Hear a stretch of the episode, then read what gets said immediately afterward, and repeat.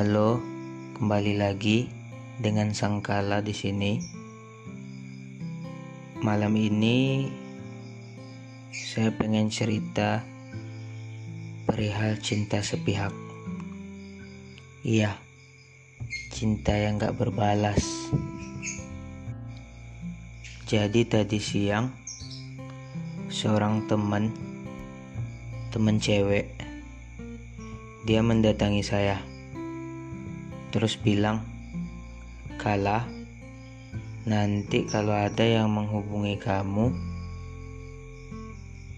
bilang kamu pacar aku ya, dan kita udah jadian selama sebulan."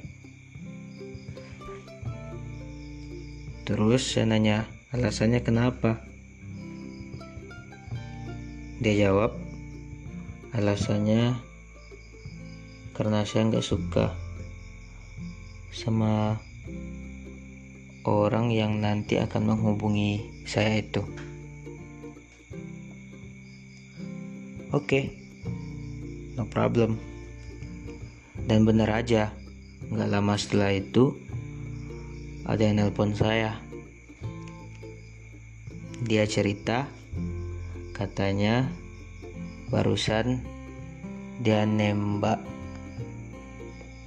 teman saya ini mengutarakan perasaannya. Dan karena saya temannya ya udah saya ngaku-ngaku jadi pacar. Kayaknya orang yang di seberang sana kecewa deh. Maaf ya itu satu. Kemudian saya keingat tentang perihal cinta sepihak. Mungkin rasanya gini ya suka sama seseorang tapi orang itu nggak suka sama kita. Mau sekuat apa pun kita berusaha toh dia juga akan Sekuat itu pula cari alasan buat nolak biar kita nggak suka lagi sama dia. Maaf ya, orang yang di seberang telepon, saya udah bohongin kamu. Terus saya keingat bahwa saya juga pernah jatuh cinta. Jatuh cinta pada teman sendiri, teman dekat. Udah lama, tapi saya diam aja. Saya mikirnya kalau nanti diutarakan, kalau saya bilang suka dia, saya akan ditolak dan kami bakalan jadi canggung. Atau kalau malah sebaliknya, kemudian kami jadian, saya nggak punya jaminan, kami nggak punya jaminan bahwa akan langgeng selamanya. Jadi, saya putuskan untuk memendam sendiri. Dan jadi jadi apa ya? Tetap jadi teman. Iya.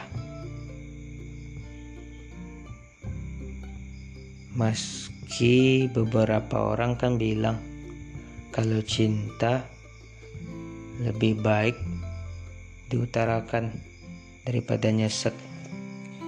Ya habis gimana dong? Ini kan tergantung pribadi masing-masing. Udah ada dua contoh nih cinta sepihak.